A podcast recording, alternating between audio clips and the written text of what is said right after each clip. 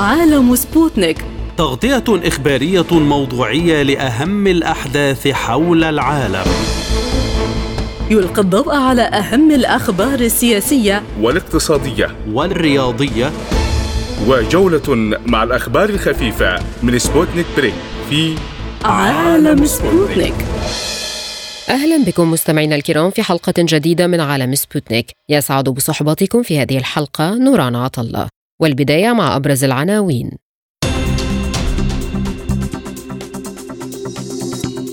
الخلافات تتسع بين إسرائيل والولايات المتحدة حول حل الدولتين بعد أول اتصال بين بايدن ونتنياهو منذ شهر وسموتريتش على الولايات المتحدة أن تستفيق ودولة فلسطينية ستدفع نحو مذبحة جديدة.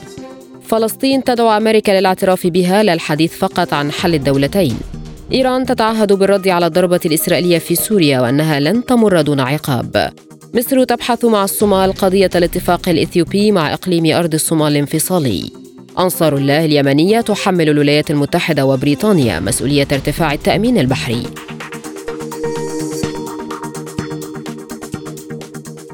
إلى التفاصيل. قال رئيس الوزراء الإسرائيلي بنيامين نتنياهو إنه لن يتنازل عن السيطرة الأمنية غرب الأردن وهو ما يتعارض مع إقامة الدولة الفلسطينية. وأعلن البيت الأبيض أن الرئيس الأمريكي جو بايدن لم يستثني إمكانية التوصل إلى حل الدولتين في الصراع الفلسطيني الإسرائيلي في ظل القيادة الإسرائيلية الحالية بقيادة رئيس الوزراء بنيامين نتنياهو. وناقش جو بايدن مع نتنياهو ضرورة إقامة دولة فلسطينية في أول اتصال بينهما منذ شهر. من جانبه قال وزير المالية الإسرائيلي يتسلئيل سموتريتش إن على الولايات المتحدة الأمريكية أن تستفيق معتبرا أن الدفع نحو إقامة دولة فلسطينية هو دفع نحو المذبحة القادمة في إشارة لهجوم حركة حماس على إسرائيل في السابع من أكتوبر تشرين الأول الماضي. جاء ذلك في تدوينة بحسابه على منصة أكس على وقع تزايد الخلافات بين نتنياهو وحكومته من جهة والإدارة الأمريكية حول إمكانية إقامة دولة فلسطينية بعد الحرب.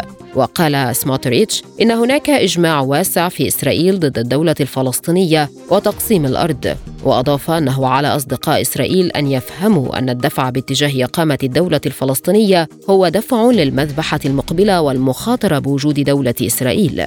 من جانبه قال وزير التعليم الإسرائيلي آف كيج لن تكون هناك سلطة فلسطينية مسؤولة عن حياة المواطنين في غزة ولا يمكننا أن ندع ذلك يحدث. وأضاف في تدوينة بحسابه على منصة أكس نحن لا نقاتل الآن من أجل إسقاط حكومة حماس حتى تدخل السلطة التي تربي وتدعم الإرهاب إلى غزة مكانها. للمزيد من التفاصيل ينضم إلينا من بيروت خبير الشؤون الإسرائيلية استاذه نبيه عواضه بعد التحية كيف تؤثر هذه الخلافات على الحرب الدائرة على غزة وعلى الدعم الأمريكي لإسرائيل؟ هناك عدة عوامل دفعت باتجاه أن يظهر إلى العلن هذا الخلاف بين الولايات المتحدة وإسرائيل. آه، اولا فيما يتعلق بعدم قدرة آه، الكيان الإسرائيلي على حسم المعركة سريعا في قطاع غزة على الرغم من أنه في البدايات كانت هناك كثافة هائلة في استخدام القوة النارية وهو الذي يعني هو الدعم الكبير الذي أمنته الولايات المتحدة من أجل إنجاز آه، وتحقيق أهداف سريعة وتتمثل بإجبار المقاومة على الرضوخ للشروط الإسرائيلية وتحديدا فيما يتعلق بتبادل الأسرى. واطلاق سراح الرهائن بما فيهم الذين يحملون الجنسية الأمريكية هذا كان مطلب أساسي من قبل الولايات المتحدة وكان الاعتقاد السائد أنه يمكن من خلال هذه القوة التدميرية الكبيرة جدا المدعومة امريكيا أن تحقق هذا الإنجاز. مع مرور الوقت تبين أن هذا الأمر لا يمكن تحقيقه وتجربة الهدن مع إطلاق سراح 105 من الرهائن مقابل المئات من الأسرى الفلسطينيين في السجون الإسرائيلية أشارت إلى أنه لا سبيل إلا للتفاوض مع المقاومة وبالتالي إبرام صفقة تبادل شاملة.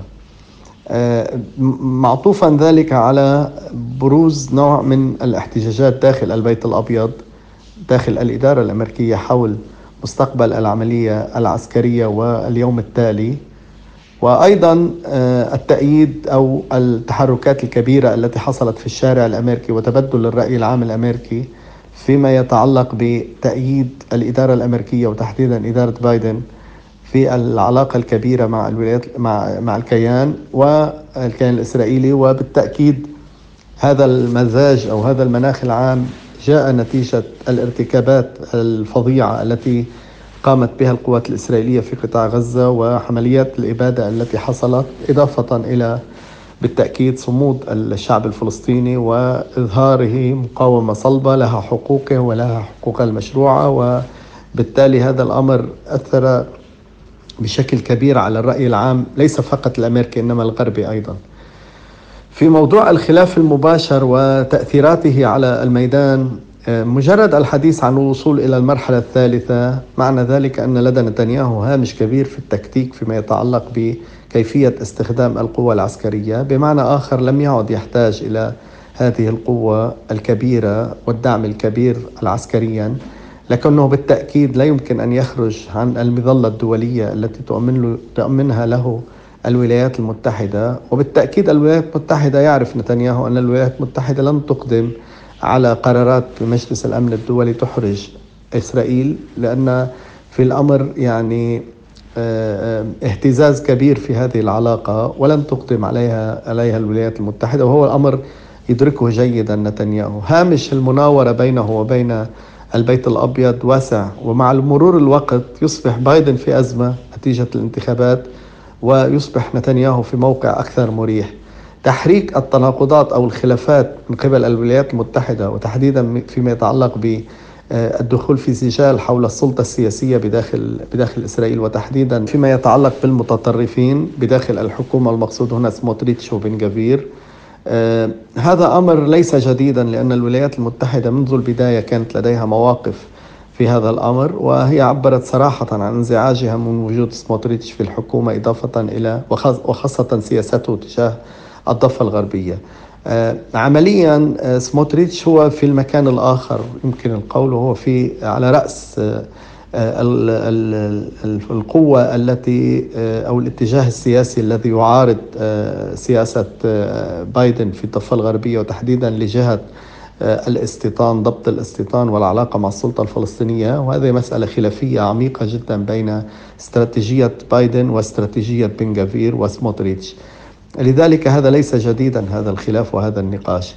المسألة الأبرز اليوم التي تظهر إلى العلن هو الخلاف ما بين قيادة الجيش و ممثلة أيضا برئيس الأركان وبدعم بدعم أيضا من من آه، وزير وزير الحرب وزير الجيش يوآف جالاند يعني الذي واضح أنه يذهب باتجاه آه، الضغط أكثر على نتنياهو من أجل إجباره على تحديد آه، اليوم التالي اليوم التالي وهو ما سرب قبل مدة من خطة وجدت أو وضعت من قبل جالاند من أجل آه، الحديث أو ملاقاه الأمريكي في نصف في منتصف الطريق.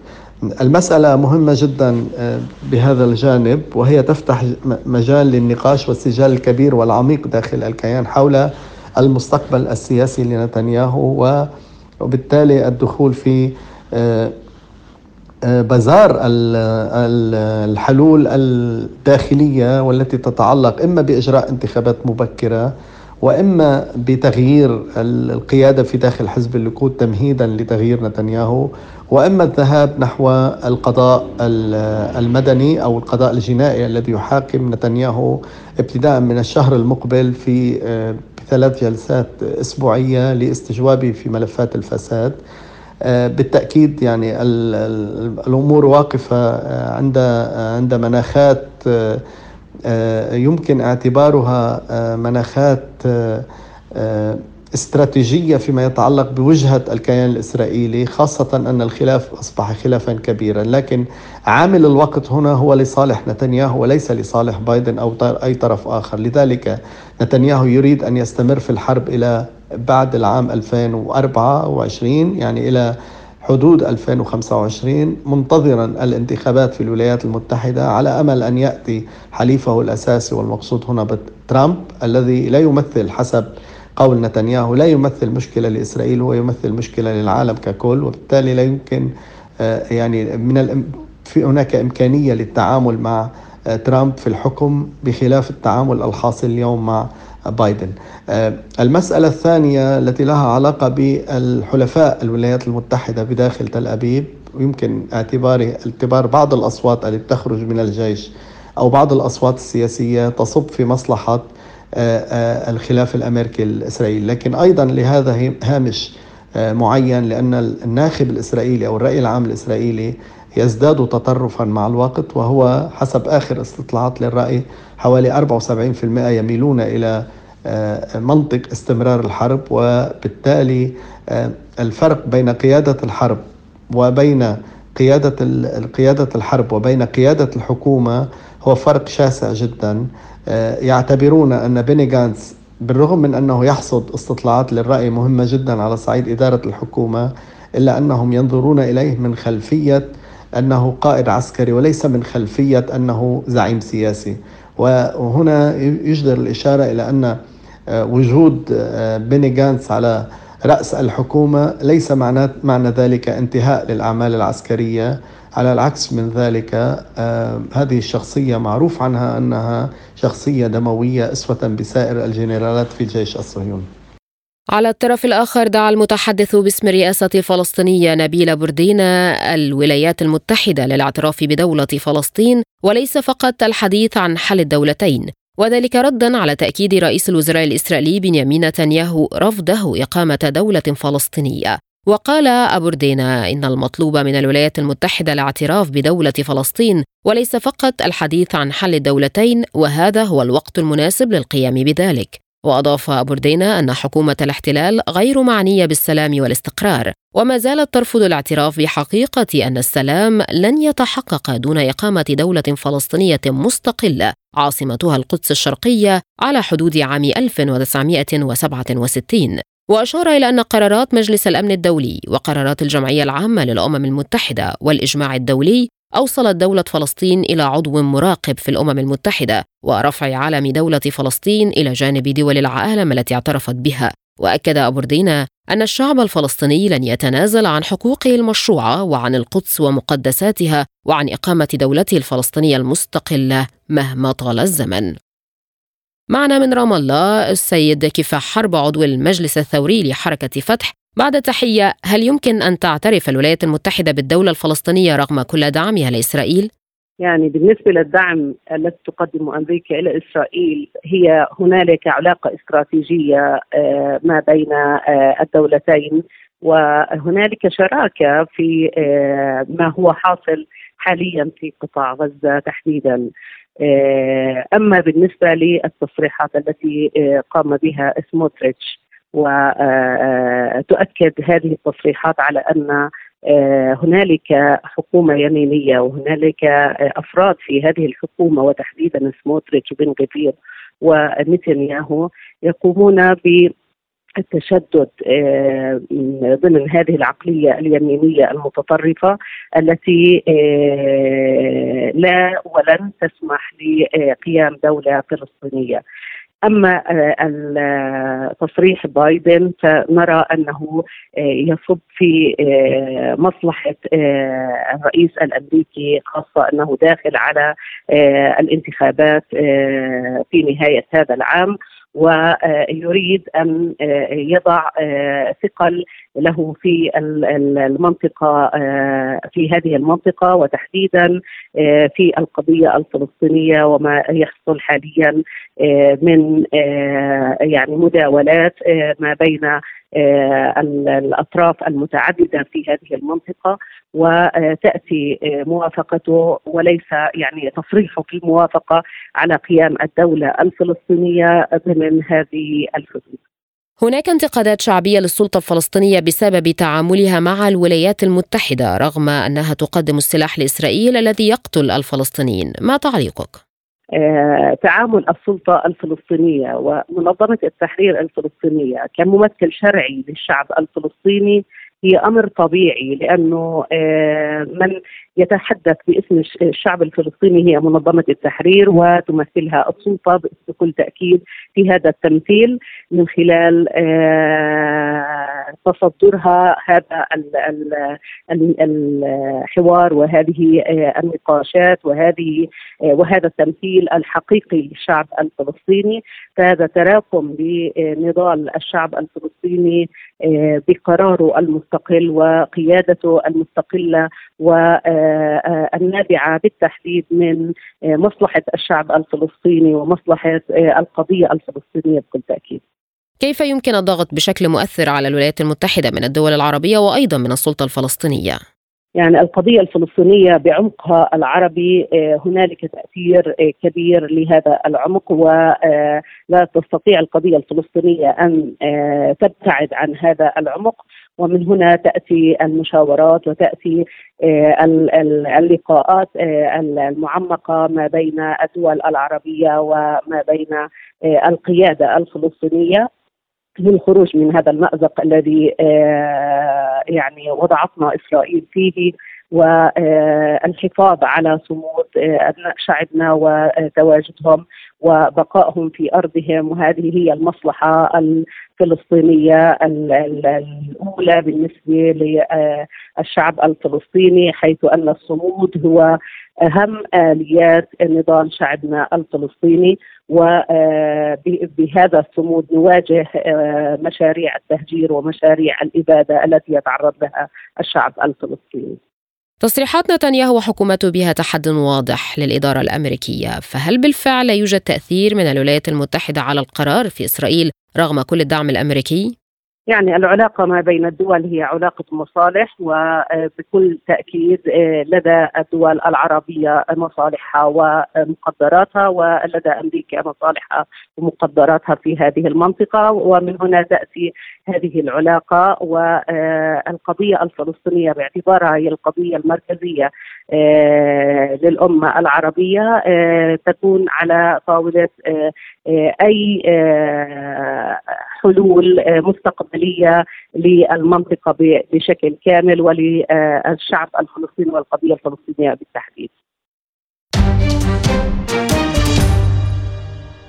ذكرت وسائل إعلام رسمية أن الرئيس الإيراني إبراهيم رئيسي تعهد بمعاقبة إسرائيل على الضربه التي نفذتها واسفرت عن قتل خمسه من الحرس الثوري الإيراني في سوريا. ونقلت وكالة الأنباء الرسمية والتلفزيون الإيراني عن رئيسي قوله خلال لقائه أعضاء لجنة مراسم إحياء الذكرى الخامسه والأربعين لانتصار الثورة إن إيران لن تترك جرائم النظام الصهيوني تمر دون رد منددا بالهجوم. وفي وقت سابق قال الحرس الثوري الإيراني إن خمسة من مسؤوليه العسكريين لقوا مصرعهم في ضربة صاروخية إسرائيلية استهدفت مبنى سكنيا في دمشق. بينما قالت السلطات السورية إن إسرائيل شنت غارة على حي المز السكني فيما لم تعلن تل أبيب حتى الآن مسؤوليتها عن الهجوم. واتهم الحرس الثوري الإيراني في بيان إسرائيل بشن عدوان على دمشق. مشيرا إلى أن الهجوم الذي تم بواسطة مقاتلات إسرائيلية وأودى بحياة أربعة مستشارين عسكريين من إيران وعدد من القوات السورية ليضيف في وقت لاحق أن عضوا خامسا توفي متأثرا بجراحه ولم يصدر أي تعليق بعد من إسرائيل. وأشار إلى أن الهجوم أودى بحياة عدد من المدنيين ودمر المبنى بالكامل وتسبب في تضرر أبنية مجاورة. للمزيد من التعليق معنا من طهران دكتور حكم أمهز الخبير بالشؤون الإيرانية بعد التحية دكتور حكم كيف سيكون الرد الإيراني هذه المرة؟ هل سيكون أيضا عبر وكلاء أم سيكون مباشر من إيران نفسها؟ لم يكن ولا مرة يعني عبر الوكلاء يعني عندما كان عندما يحصل أي استهداف للجمهورية الإسلامية كانت هي ترد بذاتها يعني عندما تعرض الشيخ قاسم سليمان للاغتيال كان الرد مباشرا عندما تعرض الشهيد ربي موسوي قبل فترة في سوريا أيضا كان الرد مباشرا وبالأمس. يعني سيكون الرد مباشرا حتما. آه لكن بطبيعة الحال هي من تحدد كيف ومتى وأين وبالتالي هذا الأمر متروك لإيران. وأنت تعرفين أن المعركة قائمة بين إيران وإسرائيل. وأيضا الرد الإيراني مستمر بشكل مباشر على الإسرائيلي. وهو موجود بكل رصاصة وبكل قذيفة وبكل صاروخ وبكل مسيرة تخلقها المقاومة سواء كانت فلسطينية أو غير فلسطينية لأن كل هذا الدعم تعرفون أن كل هذا الدعم هو مقدم من الجمهورية الإسلامية الإيرانية للمقاومة. وأصلا المعركة اليوم في في في غزة هي قائمة على على الأنفاق. ولولا الأنفاق يعني بطبيعة الحال كانت يعني إسرائيل لديها اليد الطولة. فهذه الأنفاق إيران هي صاحبة السكة فيها وإيران هي التي مولتها وإيران التي دعمتها. وبالتالي هذا الذي يعني عندما تقوم إسرائيل بهكذا عمليات اغتيال هو نتيجة الوجع الذي ألحقته إيران بهذه الإسرائيل التي كانت أرضها من الفرات إلى النيل تقول شعارها. وكانت يعني دائما تقول أن جيشها أسطوري لا يقهر وأنها بالفرقه الموسيقية تستطيع أن تهزم تهزم تهزم لبنان وتحتله. ولكن الآن بعد الدعم الايراني لفرق المقاومة نجد أن إسرائيل تقوقعت ضمن الجدران التي بنتها لنفسها حفاظا على أمنها آه سواء كان الجدار في الضفه الغربيه أو على الحدود اللبنانية أو غزة. وجيشها الأسطوري الآن يعني تلحق به الهزائم وهو سقطت هيبته وجنوده وضباطه يسحلون ويجرون ويخرجون من الدبابات. والفرقة الموسيقية في حزب الله الآن هي يعني هجرت أكثر من مئة ألف مستوطن من الشمال الفلسطيني. فعمليا هذا هذه هذه الهزائم تلحقها بها تلحقها إيران بإسرائيل من خلال دعمها للمقاومه فلذلك تلقائيا هذه العمليات الاغتياليه يعني آه، آه، رد على هذا الوجع الذي ألحقته إيران بها. هذا اولا الأمر. الثاني أن هذه العمليات التكتيكية التي تقوم بها آه، إسرائيل من خلال عمليات الاغتيال أنا لا أعتقد أنها تحقق أهداف استراتيجية. يعني ماذا حققت آه، إسرائيل من كل العمليات الاغتيال التي قامت بها؟ مقابل ماذا حققت حققت إيران ومحور المقاومة في الأهداف الإسرائيلية من استراتيجيات. يعني كانت كانت كما أشرنا إسرائيل تقول أرضها من الفرات إلى النيل وكانت تقول كذا وكذا وأيضا كانت تفرض المعادلات وكانت أصلا الحروب تجري على الأراضي العربية وليس داخل الكيان الإسرائيلي. الآن الحرب في داخل الكيان الإسرائيلي وأيضا التهديد وجودي للاسرائيلي، إسرائيل هي تقول أنها مهددة بوجودها. كل هذا بفضل الدعم الإيراني وبفضل العمل الإيراني المباشر وغير المباشر مع المقاومة، فلذلك يعني إيران هي ترد آه، ردها مستمر على هذا الاحتلال المستمر أيضا وبالتالي أيضا حتما سيكون هناك رد على عملية اغتيال المستشارين الإيرانيين. لماذا لم تعلن إسرائيل مسؤوليتها رغم أنها كانت كانت تغير من منهجها وتعلن عن هذه الضربات مؤخرا؟ إسرائيل لا لم لم لم تعلن يعني دائما لم لا تعلن عن عمليات الضربات ولكن يعني أصلا الأدوات معروفة أن القصف معروف الجهاز الجهة التي أتت اتى منه القصف معروف ولكن هذا ديدا الإسرائيلي أنه لا يعلن. آه ولكن بطبيعة الحال آه يعني الرد حتما سيكون على الجهة التي قامت بهذا العمل. وهذا لابد أن نشير إلى أن الإيرانيين يعني أيضا يقومون بعمليات رد في الداخل الإسرائيلي. يعني في الفترة الماضية تذكرين تماما أنه كان هناك تفجيرين في أرجيليا ولكن الإسرائيلي تكتم على أسبابهما وعلى نتائجهما. وأيضا قبل فترة أيضا كان هناك على الفنادق الإسرائيلية الإسرائيلية في تل أبيب. توفي أحد العلماء النوويين وبقيت أسباب وفاته مجهولة يعني وغامضة.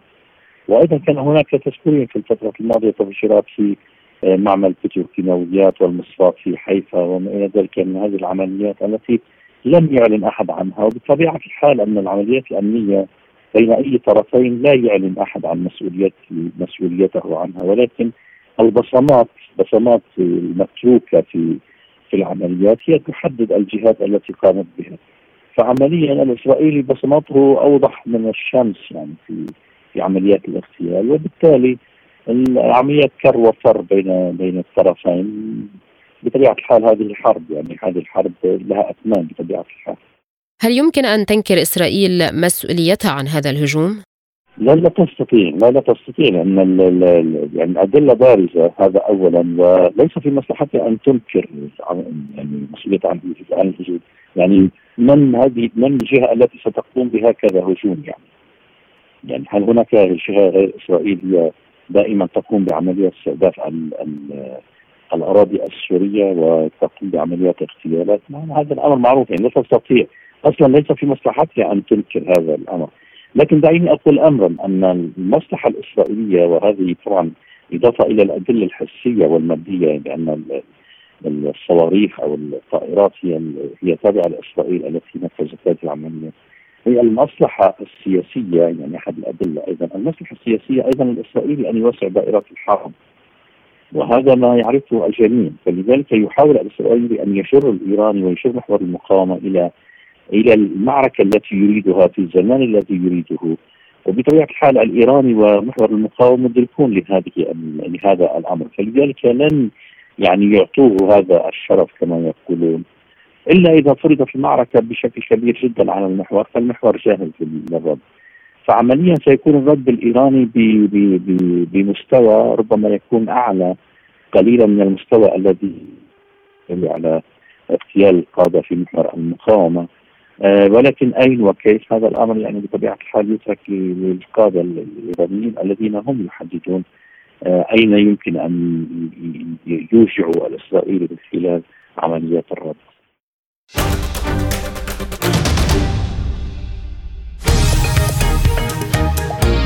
عالم سبوتنيك يغطي جميع الأحداث السياسية والاقتصادية والرياضية حول العالم.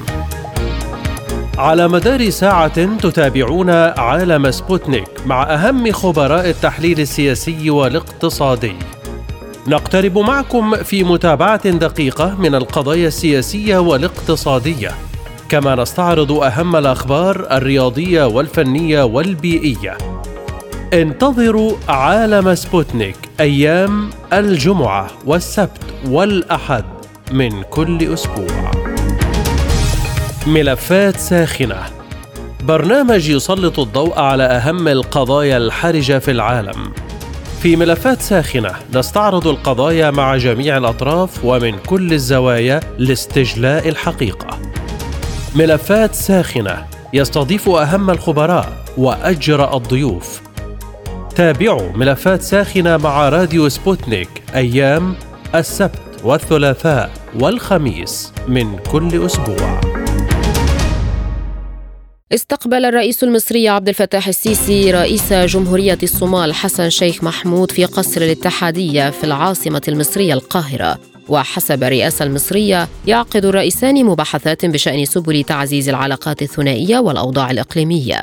وقال إلياس شيخ عمر سفير جمهورية الصومال الفيدرالية لدى مصر ومندوبها الدائم لدى الجامعة العربية بمناسبة الزيارة إن بلاده حريصة على تنسيق المواقف مع مصر بسبب دورها المحوري في المنطقة مثمنا في الوقت ذاته الدعم المصري للصومال في أزمته الراهنة بشأن اتفاق إثيوبيا وإقليم أرض الصومال الانفصالي بالتأكيد على ضرورة الاحترام الكامل لوحدة وسيادة أرض الصومال ومعارضتها لأي إجراءات من شأنها انتهاك السيادة الصومالية. وأوضح سفير الصومال في بيانه أن زيارة الرئيس الصومالي لمصر تتضمن لقاء مع الرئيس المصري عبد الفتاح السيسي وكذلك الأمين العام للجامعة العربية أحمد أبو الغيط. وذلك لبحث سبل التعامل مع التحديات التي تواجه المنطقة. كانت الجامعة العربية قد أعلنت الأربعاء الماضي رفضها لمذكرة التفاهم الموقعة بين جمهورية أرض الصومال غير المعترف بها دوليا وإثيوبيا وذلك لمنح الأخيرة منفذا على البحر الأحمر عند مدخل باب المندب. وبحسب بيان للجامعة أعقب اجتماع الوزراء الخارجية العرب عبر تقنية الفيديو كونفرنس فإن الجامعة العربية تدين أي مذكرات تفاهم تنتهك سيادة الصومال أو تحاول الاستفادة من هشاشة الأوضاع الداخلية فيه. وكانت جمهورية أرض الصومال هي جمهورية منشقة عن الصومال لا يعترف بها دوليا. قد أعلنت توقيع اتفاق مع إثيوبيا بشأن تأجير مساحة من أراض تستغلها إثيوبيا كميناء عند مدخل البحر الأحمر من ناحية باب المندب. مقابل اعتراف إثيوبي بالجمهورية الانفصالية المنشقة عن دولة الصومال في مرحلة ما في المستقبل. ولم تؤكد إثيوبيا هذا الجانب من الاتفاق المثير للجدل لكنها أكدت توقيع ما يعرف بمذكرة تفاهم من أجل تأمين منفذ على البحر. يذكر أن إثيوبيا دولة حبيسة غير ساحلية ويوفر اتفاقها الأخير مع جمهورية أرض الصومال نافذة لها على البحر الأحمر. للمزيد ينضم إلينا من القاهرة الكاتب والمحلل السياسي أستاذ جمال رائف. بعد التحية هل بالفعل الاتفاق الإثيوبي مع إقليم أرض الصومال يهدد الأمن المصري والعربي وأمن دولة منطقة القرن الإفريقي؟ تحياتي لحضرتك ولكل السادة المستمعين. بالتأكيد أن تتفق إثيوبيا مع آه، حركه انفصالية. آه، بالتأكيد هذا يزعزع استقرار منطقة القرن الأفريقي بشكل عام وأيضا على صعيد طبعا النطاق الجغرافي فيما يتعلق بدول الجوار الإثيوبي تحديدا خاصة إن أيضا هذه الدول يعني لديها الكثير من القلاقل الامنيه الآن. وبالتالي هذا الاتفاق الغير قانوني في الحقيقة والغير معترف به دوليا لأن لا يوجد هناك أي من الدول تعترف بإقليم شمال الصومال كدولة مستقلة وبالتالي أنا أعتقد إن توقيع هذا الاتفاق يعزز من فكرة الحركات الانفصالية ويدعم الحركات الانفصالية وهذا خطر كبير جدا على حركة آه، أيضا آه، يعني أو أو دعم الاستقرار في نطاق آه، القرن الأفريقي خاصة إن هذه المنطقة مشتبكة نوعا ما أيضا بما يحدث الآن في منطقة البحر الأحمر وعدم استقرارها له تداعيات سلبية أيضا على يعني البحر الأحمر وعلى حركة الملاحة ومن ثم أصبحت الآن المشاكل الإقليمية متشابكة وبالتالي حينما تتفجر الأزمة الآن في الصومال بهذا الفعل الأثيوبي فبالتأكيد هذا سوف أيضا يضاعف الأزمات في المنطقة ليس فقط على صعيد القرن الأفريقي الذي يعاني بالتأكيد من الكثير من المشاكل ولكن أيضا على صعيد منطقة البحر الأحمر وباب المندب وأيضا امتدادا لما يحدث في المنطقة بشكل عام. وبالتالي أنا أعتقد إن هو تصرف آه، من الجانب الأثيوبي الأثيوبي غير مسؤول وغير منطقي وغير مقبول على الصعيد الدولي. وبالتالي القاهرة تدعم فكرة آه، وحدة واستقرار آه، الصومال وتدعم أن يكون الصومال مستقرا ذات سيادة ولا يمكن أن يكون هناك عبث يعني استقرار وسيادة أي من الدول العربية والأفريقية خصوصا إن الدولة المصرية بربطها بالصومال طبعا عده روابط على رأسها هذه الروابط الأفريقية العربية. كيف يمكن أن يكون التعاون بين مصر والصومال للعمل ضد هذا الاتفاق؟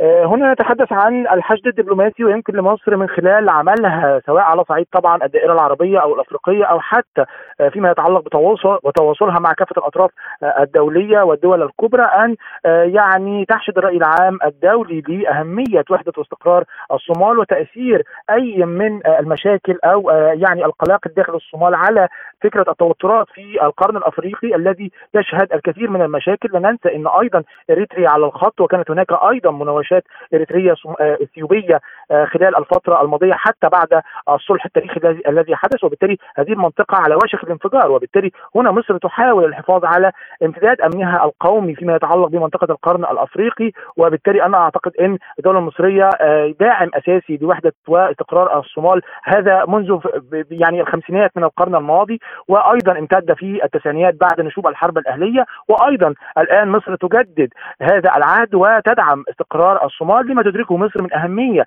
آه، يعني لوحده واستقرار آه، الصومال. وبالتالي أنا أعتقد أن مصر وعملها داخل المجتمع الدولي والإقليمي مهم للغاية. وبالتالي وجدنا الرئيس الصومالي يذهب إلى دولتين بالتحديد في أولى تحركاته الخارجية بعد هذا الاتفاق آه، يعني الذي وقعته أثيوبيا مع إقليم شمال الصومال. ذهب رئيس الصومال إلى إريتريا ثم ذهب إلى الدولة المصرية. هنا اتحدث عن الزيارات الرسمية. وبالتالي هنا يعني إدراك من الداخل الصومالي إن هناك أهمية للتنسيق مع القاهرة في هذا التوقيت لما تلعبه القاهرة من دور مهم جدا سواء على الصعيد الأفريقي أو العربي أو الدولي لدعم الصومال سواء على صعيد السياسي أو الدبلوماسي أو حتى على صعيد حشد الرأي العام الدولي لمناصرة فكرة استقرار ووحدة الصومال.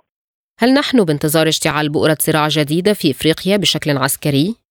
آه للأسف. يعني حينما نتحدث الآن عن توترات كبيرة داخل القرن الأفريقي فنحن نتحدث عن آه استعادة للمشاهد المؤسفة آه التي كانت في تسعينيات القرن الماضي أو حتى ما قبل تسعينيات القرن أو ما قبل تسعينيات القرن الماضي. هنا نتحدث طبعا عن توترات دفينة موجودة في منطقة القرن الأفريقي سواء سواء ما بين أثيوبيا وإريتريا أو سواء ما بين أثيوبيا والصومال أو حتى مختلف الدول حتى ما يتعلق بما يحدث في السودان. وفكرة الحرب الدائرة في السودان الان وتأثيراتها أيضا على عدم الاستقرار في الامتداد الخاص بالقرن الأفريقي. وبالتالي هذه النقطه نقطة مرجحة للاشتعال. نحن نتحدث عن يعني ثلاثة أو أربعة بؤر صراع مشتعلة في العالم الآن إذا تحدثنا عن منطقة الساحل والصحراء شرق أوروبا منطقة الشرق الأوسط والآن نتحدث أيضا عن القرن الأفريقي. العالم لا يحتمل المزيد من بؤر الصراع ولكن للأسف هناك آه، يعني آه، تحركات آه، إقليمية بتؤكد إن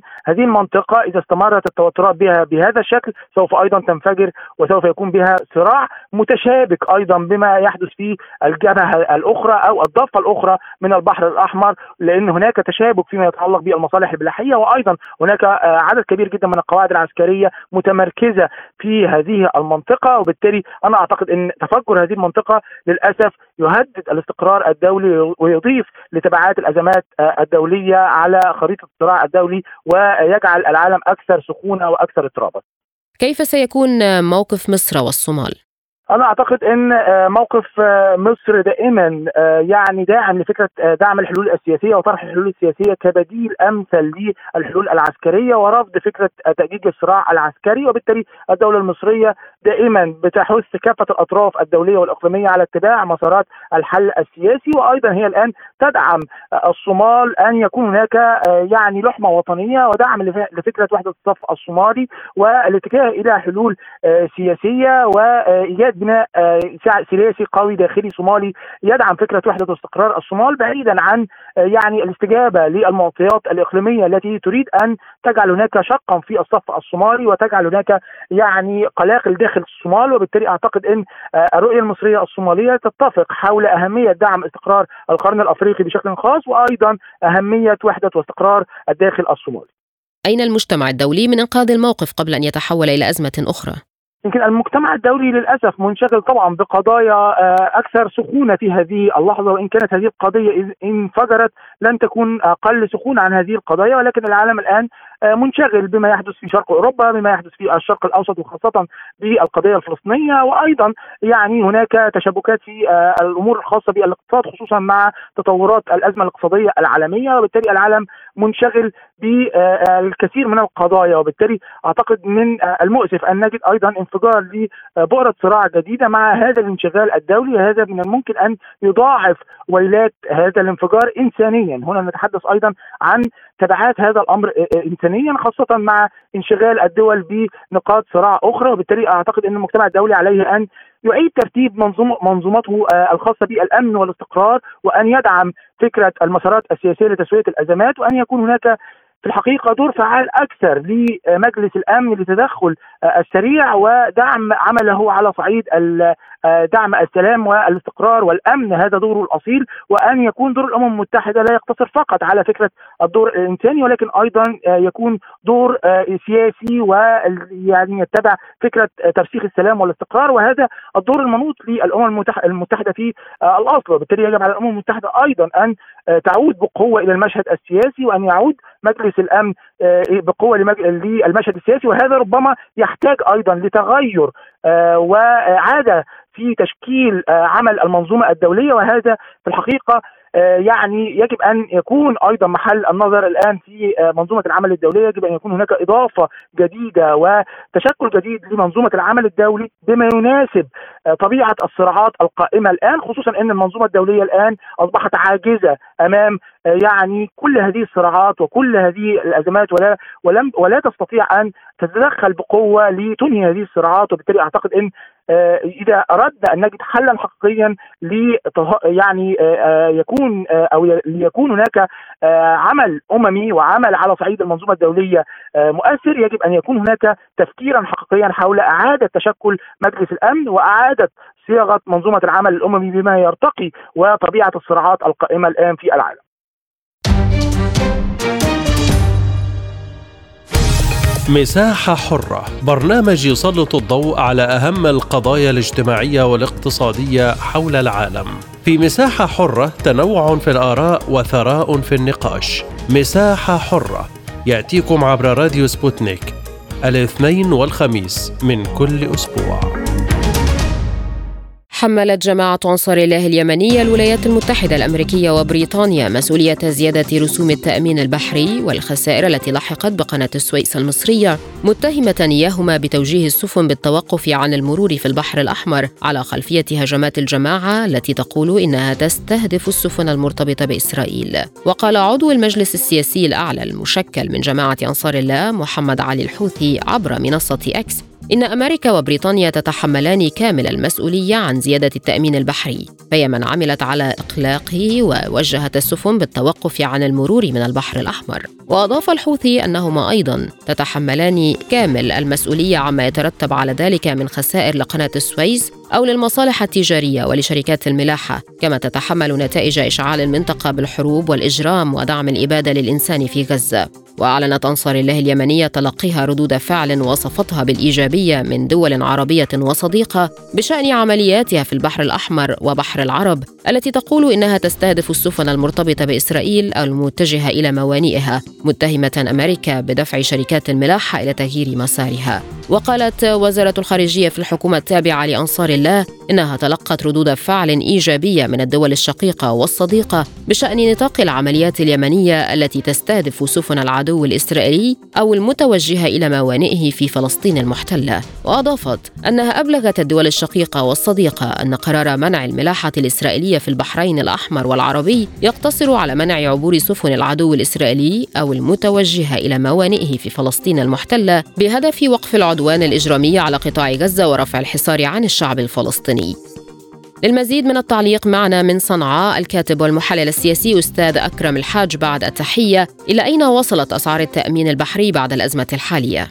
بالتأكيد ارتفاع أسعار التأمين البحري هو ناتج عن تعنت الولايات المتحدة الأمريكية التي ما زالت توكل على اصرارها بالوقوف مع كيان الاحتلال الإسرائيلي على اعتبار أن حركة انصار الله قد كان رأيها واضح وأن تهديدها هو فيما يخص الملاحة البحرية لتلك السفن التي تتجه إلى الكيان الإسرائيلي وتلك السفن الإسرائيلية. إذا ما أرادت الولايات المتحدة الأمريكية وبريطانيا وحلفها المعلن في مسألة عودة الأمن والاستقرار إلى البحر الأحمر ومضيق باب المندب عليهم امتثال إلى شروط أنصار الله فليس من المعقل أن ترتكب تلك الجرائم وتلك الإبادة لحق الشعب الفلسطيني أمام مرأى ومسمع من العالم في ظل تكتل وتحالف أوجدته الولايات المتحدة الأمريكية وبريطانيا من أجل مساندة العدو الصهيوني. وهنا من البديهي أن كان لأنصار الله وقوى الحركات المقاومة في المنطقة. أن تقف هي أيضا الأخرى وتكون تكتلا آخر لنصرة الفلسطينيين المستضعفين هناك في غزة أمام ما يرتكب في حقهم. ولذلك كان لابد اليوم على المجتمع الدولي آه، أن يضع النقاط على الحروب كما يقال وأن تعود الولايات المتحدة الأمريكية إلى جاده الصواب في مسألة ايقاف الحرب في إسرائيل في غزة من قبل ما تدعمه الولايات المتحدة وتقديم النصح والمشوره إلى الكيان العدو الصهيوني أن ثلاثة أشهر من عمر الحرب الحرب في غزة أعتقد أنها خاسرة تماما وأن المقاومه اليوم تحقق انتصارات عظيمة. ولذلك والعودة الملاحة وعودة التامينات كما جرت العادة في المنطقة في البحر الأحمر والعربي وباب المندب أن تتوقف الولايات المتحدة الأمريكية وكيان العدو الإسرائيلي في ارتكاب تلك المجازر في حق الفلسطينيين في غزة. لماذا لا تعترف الولايات المتحدة وبريطانيا بالمسؤولية عن إشعال الأوضاع في المنطقة؟ بالتأكيد المشهد يبدو واضحا هناك حلف بريطاني أمريكي هو ليس الأول ولن يكون الأخير وليس هو الأول فوجدت إسرائيل في المنطقة آه، برعاية بريطانية وأمريكية منذ قرابة 75 عاما ولذلك من البديهي أن مثل هذا الحلف هو مستمر. أيضا وجود الحرب الحاصلة الآن في البحر الأحمر هو مخطط بريطاني أمريكي لجر المنطقة إلى حرب لتغض الطرف على ما يحدث في غزة. أيضا لانتشال آه، آه، آه، نتنياهو رئيس حكومة الفاشية النازية إلى مشهد آخر أمام ما يشهده تشهده الساحة السياسية العسكرية والإسرائيلية من توتر ومن فشل ذريع ولذلك كل هذه السيناريوهات هو جر المنطقة إلى حرب أخرى آه، في سبيل قصد الطرف أمام الفشل الإسرائيلي الفشل العسكري والسياسي هل من حق لندن وواشنطن فقط مساندة إسرائيل وليس من حق أحد مساندة المقاومة وأهل غزة ضد الحرب عليهم؟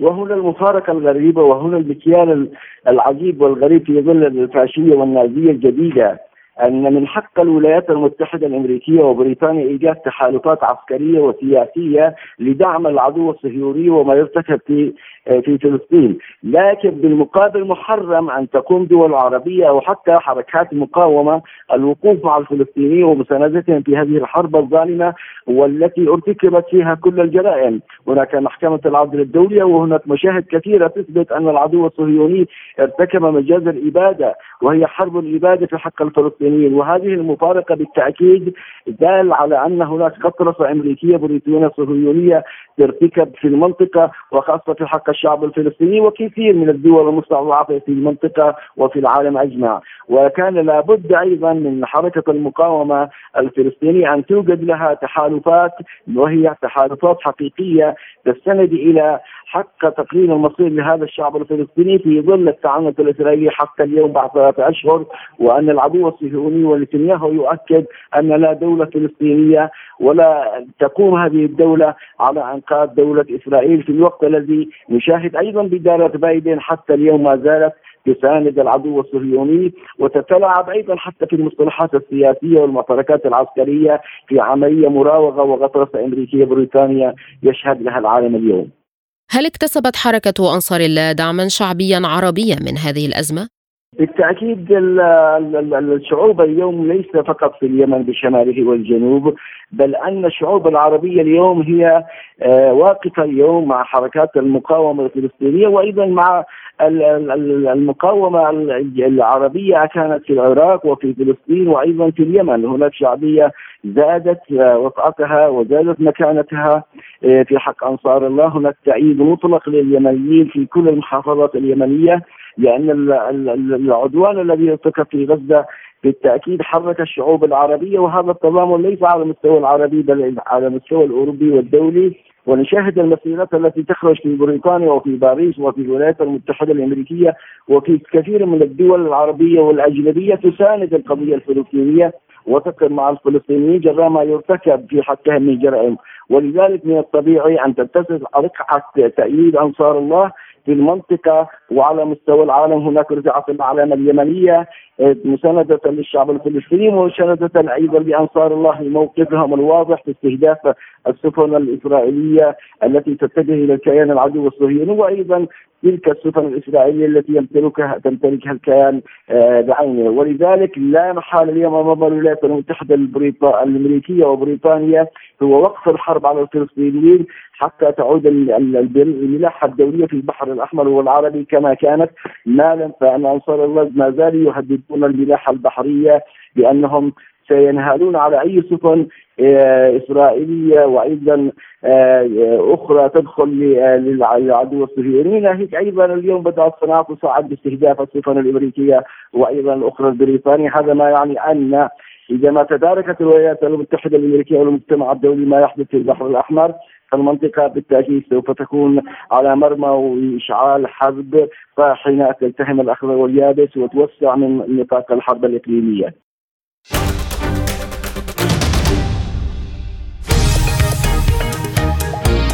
عالم سبوتنيك يغطي جميع الأحداث السياسية والاقتصادية والرياضية حول العالم على مدار ساعة تتابعون عالم سبوتنيك مع أهم خبراء التحليل السياسي والاقتصادي.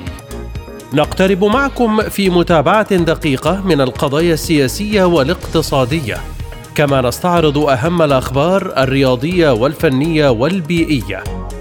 انتظروا عالم سبوتنيك أيام الجمعة والسبت والأحد من كل أسبوع. ملفات ساخنة. برنامج يسلط الضوء على أهم القضايا الحرجة في العالم. في ملفات ساخنة نستعرض القضايا مع جميع الأطراف ومن كل الزوايا لاستجلاء الحقيقة. ملفات ساخنة. يستضيف أهم الخبراء وأجرأ الضيوف. تابعوا ملفات ساخنة مع راديو سبوتنيك أيام السبت والثلاثاء والخميس من كل أسبوع. الآن مستمعين إليكم جولة إخبارية حول العالم. أعلنت وزارة الدفاع الروسية أنه خلال ال 24 ساعة الماضية صدت القوات الروسية ثلاث هجمات شنتها مجموعات هجومية تابعة للقوات المسلحة الأوكرانية في اتجاه كراسنيليمان وأن العدو فقد ما يصل إلى 80 عسكريا وثلاث مركبات. وقالت الوزارة في بيان على اتجاه كراسني ليمان صدت وحدات من قوات مجموعة المركز بدعم من نيران المدفعية ثلاث هجمات شنتها مجموعات هجومية من الألوية الميكانيكية الحادية والعشرين والثالثة والستين. التابعة للقوات المسلحة الأوكرانية في مناطق يامبولوفكا في جمهورية دونتسك الشعبية وتشيرفونايا ديبروفا في جمهورية لوغانسك الشعبية. وأوضحت وزارة الدفاع أنه نتيجة لذلك فقد العدو ما يصل إلى 80 عسكريا وثلاث مركبات بالإضافة إلى مدفع هاوتزر من طراز دي 20 كما ضربت القوات الروسية خلال 24 ساعة الماضية القوى البشرية والمعدات التابعة للواء الهجوم الجبلي 117 الميكانيكي و128 التابع للقوات المسلحة الأوكرانية واللواء الثالث من الحرس الوطني الأوكراني في مناطق فيربوفو ورابوتينو ونستيريانكا في مقاطعة زابروجيا وأضافت وزارة الدفاع الروسية أن العدو فقد أكثر من 30 عسكريا ومركبتين ومدفع هاوتزر من طراز دي 20 في هذا الاتجاه. وفي نبأ آخر أعلنت وزارة الدفاع الروسية أن القوات المسلحة الروسية حررت قرية كراخمالنويه في اتجاه كوبيانسك. وذكرت وزارة الدفاع الروسية في بيان لها أنه في اتجاه كوبيانسك ونتيجة للعمليات النشطة الناجحة التي قامت بها وحدات من مجموعة الغرب تم تحرير قرية كراخمالنويه في مقاطعة خاركوف. أعلن القائم بأعمال رئيس جمهورية دونتسك دينيس بوشيلين أن عدد الأشخاص الذين قتلوا في قصف السوق في منطقة دونتسك تيكستيلشيك ارتفع إلى 13 شخصا. وكتب بوشيلين عبر تيليجرام بحسب المعلومات الأولية قتل ما لا يقل عن 13 وأصيب عشرة نتيجة القصف الوحشي للسوق في المنطقة الصغيرة. وقد تعرض السوق للهجوم في الوقت الذي يكون فيه مزدحما وأضاف بوشيلين أن الخدمات العملياتية تعمل على الفور ويستمر تلقي المعلومات حول القتلى والجرحى وتوضيحها ويجرى أيضا البحث عن شظايا الأسلحة. أعلنت كوريا الشمالية أن الرئيس الروسي فلاديمير بوتين أعرب عن استعداده لزيارة بيونغ يانغ في وقت مبكر وأن بيونغ يانغ مستعدة لتحية أقرب أصدقاء الشعب الكوري بأكبر قدر من الإخلاص. جاء الإعلان من مكتب مساعد وزير الخارجية الكوري الشمالي في بيان نشرته وكالة الأنباء المركزية الكورية الشمالية. وذلك بعد يومين من عودة وزيرة خارجية كوريا الشمالية من رحلة إلى موسكو. وقالت الوكالة إن الرئيس بوتين أعرب عن شكره العميق مرة أخرى لدعوة زعيم كوريا الشمالية كيم يونغ أون لزيارة بيونغ يانغ في وقت مناسب وأعرب عن استعداده لزيارة كوريا الشمالية في وقت مبكر. وتأتي زيارة وزير خارجية كوريا الشمالية إلى روسيا في ظل سعي البلدين لتعزيز التعاون العسكري. والتقت هناك بنظيرها الروسي سيرجي لافروف وأجرت زيارة لبوتين. أعلنت وزارة الصحة في غزة ارتفاع عدد ضحايا الحرب الإسرائيلية على القطاع إلى 25105 فلسطينيين وإصابة 62681 آخرين منذ السابع من أكتوبر الماضي. وأضافت الوزارة في بيان أن الاحتلال الإسرائيلي ارتكب 15 مجزرة ضد العائلات في قطاع غزة راح ضحيتها 178 شهيدا و293 إصابة خلال ال 24 ساعة الماضية. قالت سرايا القدس الجناح العسكري لحركة الجهاد إن مقاتليها نجحوا في السيطرة على طائرة مسيرة إسرائيلية خلال تنفيذها مهام استخباراتية في سماء وسط قطاع غزة دون ذكر تفاصيل أخرى. وكان التلفزيون الفلسطيني قال إن مقاتلين من سرايا القدس خاضوا اشتباكات ضارية بالأسلحة الرشاشة مع قوات إسرائيلية في مخيمي المغازي والبريج السبت. نشر الجيش الإسرائيلي تسجيلا مصورا لنفق في خان يونس جنوب قطاع غزة. زعم أنه كان يضم محتجزين لدى حركة حماس. وقال في بيان إن النفق يصل طوله لنحو 830 مترا وبعمق نحو 20 مترا مضيفا أنه كان مفخخا حسب وصفه. وزعم أيضا أنه قتل عددا من المسلحين الفلسطينيين داخل النفق. مشيرا إلى أنه بوصول جنوده إلى النفق كان المحتجزون قد اختفوا بالفعل حيث جرى نقلهم إلى مكان آخر. أعلن يائير لابيد زعيم المعارضة الإسرائيلي دعمه لأي صفقة تبادل أسرى بين بلاده وحركة حماس حتى ولو كان الثمن وقف الحرب على قطاع غزة. ونقلت إذاعة الجيش الإسرائيلي عن لابيد أنه أكد في البرلمان الإسرائيلي وكذلك لرئيس الوزراء بنيامين نتنياهو أنه يدعم بشكل كامل أي صفقة تبادل للأسرى حتى ولو كان المقابل مؤلما. وأوضح لابيد أنه إذا أرادت إسرائيل القضاء على حركة حماس فعليها اولا إعادة المحتجزين لديها في القطاع مشيرا إلى دعمه الإعلان عن صفقة تبادل رهائن مع الحركة حتى ولو كان المقابل هو وقف الأعمال القتالية أو وقف الحرب نفسها. شدد الأمين العام للأمم المتحدة أنطونيو غوتيريش على أن الوضع في الشرق الأوسط أشبه ببرميل بارود على وشك الانفجار ومن الضروري العمل على منع اشتعال الصراع في جميع أنحاء المنطقة. وأكد غوتيريش في بيان أن العمليات العسكرية التي تنفذها إسرائيل تؤدي إلى دمار واسع النطاق وإلى قتل البشر على نطاق غير مسبوق منذ توليه منصبه. وتابع قوله إنه من الضروري التوصل على الفور إلى وقف إنساني لإطلاق النار لتخفيف المعاناة في غزة ووصول المساعدات إلى المحتاجين وتسهيل إطلاق سراح المحتجزين. وانتقد غوتيريش الرفض المتكرر لحل الدولتين بين الفلسطينيين وإسرائيل. مشيرا إلى أنه أمر غير مقبول ولفت إلى أن حرمان الشعب الفلسطيني من حقه يطيل أمد الصراع وبات تهديدا خطيرا للسلم والأمن الدوليين. في السياق نفسه اعتبر وزير الدفاع البريطاني جراند شابس أن تصريحات رئيس الوزراء الإسرائيلي بنيامين نتنياهو الرافضة لأي سيادة فلسطينية في مرحلة ما بعد الحرب في قطاع غزة مخيبة للآمال. وقال تشابس إنه من المخيب للأمل أن نسمع ذلك من رئيس الوزراء الإسرائيلي مؤكدا أنه بالنسبة إلى بريطانيا لا خيار سوى حل الدولتين لتسوية النزاع الإسرائيلي الفلسطيني. أكد وزير الخارجية الإيراني حسين أمير عبد اللهيان أن أنشطة مكافحة الإرهاب التي يقوم بها المستشارون العسكريون الإيرانيون ستستمر بقوة وذلك في تعليقه على استشهاد خمسة من عناصر الحرس الثوري الإيراني في غارة إسرائيلية على سوريا أمس السبت. وشدد كبير الدبلوماسيين الإيرانيين عبر موقع أكس أن النظام الإسرائيلي هو الشريك الرئيسي للحركات الإرهابية والعدو الرئيسي للأمن الإقليمي. ومضى بقوله إنه مما لا شك فيه أن هزيمة إسرائيل أمام إرادة شعب غزة لا يمكن تعويضها بمثل هذه الأعمال الإرهابية الجبانة. كما قدم وزير الخارجية الإيراني تعازيه لأسر شهداء الحرس الثوري الإيراني وأعلن في بيان أصدره استشهاد عدد من قواته الاستشارية في غارة إسرائيلية على سوريا. أعلنت وزارة الدفاع التركية تحييد 19 مسلحا خلال يومين في الغارات المستمرة شمالي العراق.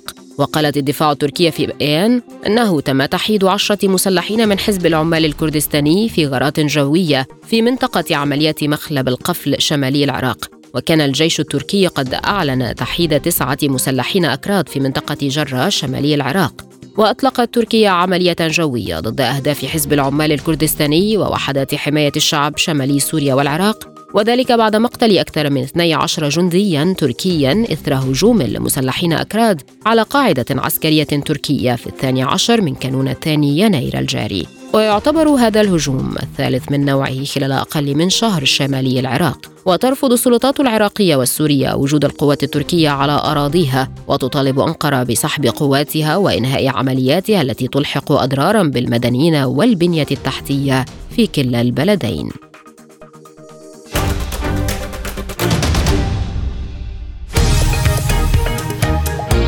عالم سبوتنيك يغطي جميع الأحداث السياسية والاقتصادية والرياضية حول العالم.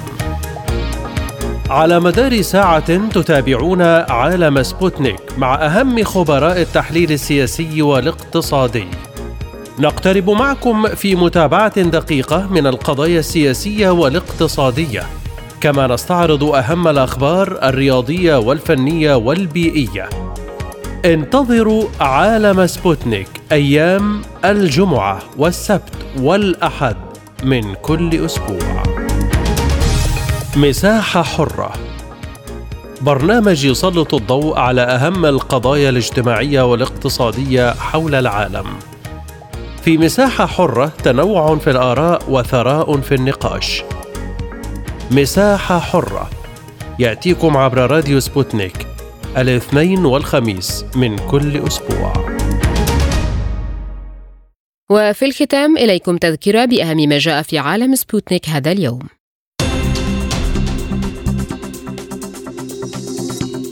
الخلافات تتسع بين إسرائيل والولايات المتحدة حول حل الدولتين بعد أول اتصال بين بايدن ونتنياهو منذ شهر. وسموتريتش يقول إن على الولايات المتحدة أن تستفيق دولة فلسطينية ستدفع نحو مذبحة جديدة. فلسطين تدعو أمريكا للاعتراف بها لا للحديث فقط عن حل الدولتين. إيران تتعهد بالرد على الضربة الإسرائيلية في سوريا وأنها لن تمر دون عقاب. مصر تبحث مع الصومال قضية الاتفاق الإثيوبي مع إقليم أرض الصومال انفصالي. أنصار الله اليمنية تحمل الولايات المتحدة وبريطانيا مسؤولية ارتفاع التأمين البحري. للمزيد زوروا موقعنا على الإنترنت سبوتنيك dot ae.